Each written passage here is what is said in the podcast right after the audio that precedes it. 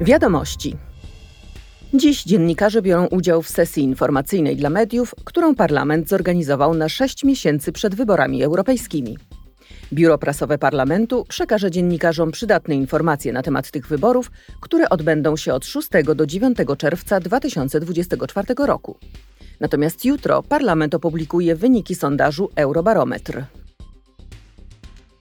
Wczoraj Komisja Kontroli Budżetowej głosowała nad sprawozdaniem o unijnej walce z nadużyciami finansowymi za rok 2022.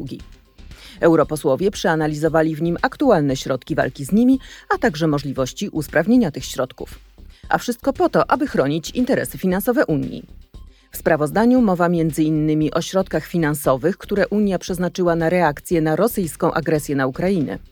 Mowa w nim także o krajowych systemach kontroli wydatków państw członkowskich z Funduszu na Rzecz Odbudowy. W sprawozdaniu wspomniano także o ochronie dziennikarzy i koncentracji mediów informacyjnych.